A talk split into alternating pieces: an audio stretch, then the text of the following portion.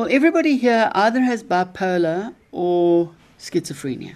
Some of them also have something like HIV or borderline personality or epilepsy or anxiety.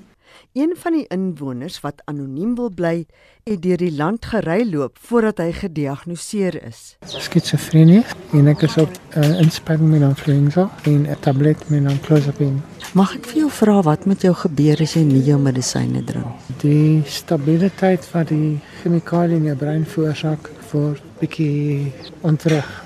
So dis moontlik dat jy kan relapses in na psigiatriese te verwys word jy kry dalk idees dat jy 'n visioen sien of jy hoor stemme en in die illusies dan verloor jy dalk jou beheer oor jou liggaam of jou beheer oor jou emosies.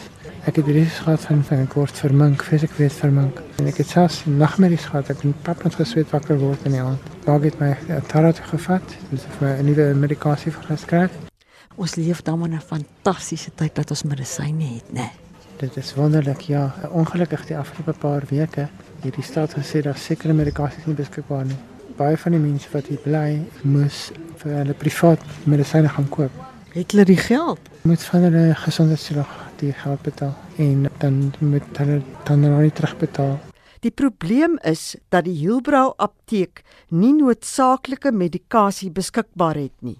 This month we haven't been given olanzapine and we have 15 people with schizophrenia. It's an antipsychotic. Without this, they will relapse. And we will have to then take them to the psych ward and Helen Joseph Hospital, and we know that beds there are at a shortage. We were warned that there is going to be a shortage of meds. Last month they were short of Rivotrol, which is a tranquilizer for bipolar people with mania. Die medikasie is duur. Olanzapine 15 milligrams, which is the usual dose, is about a thousand rand people on grants are left with, at the end of the month, 600 Rand after they've paid their board. They can't actually afford to buy their own medication, and our funding, we didn't budget for medication shortages because the government looks after their citizens. Volgens Maggie King blyk dit 'n bestuursprobleem te wees.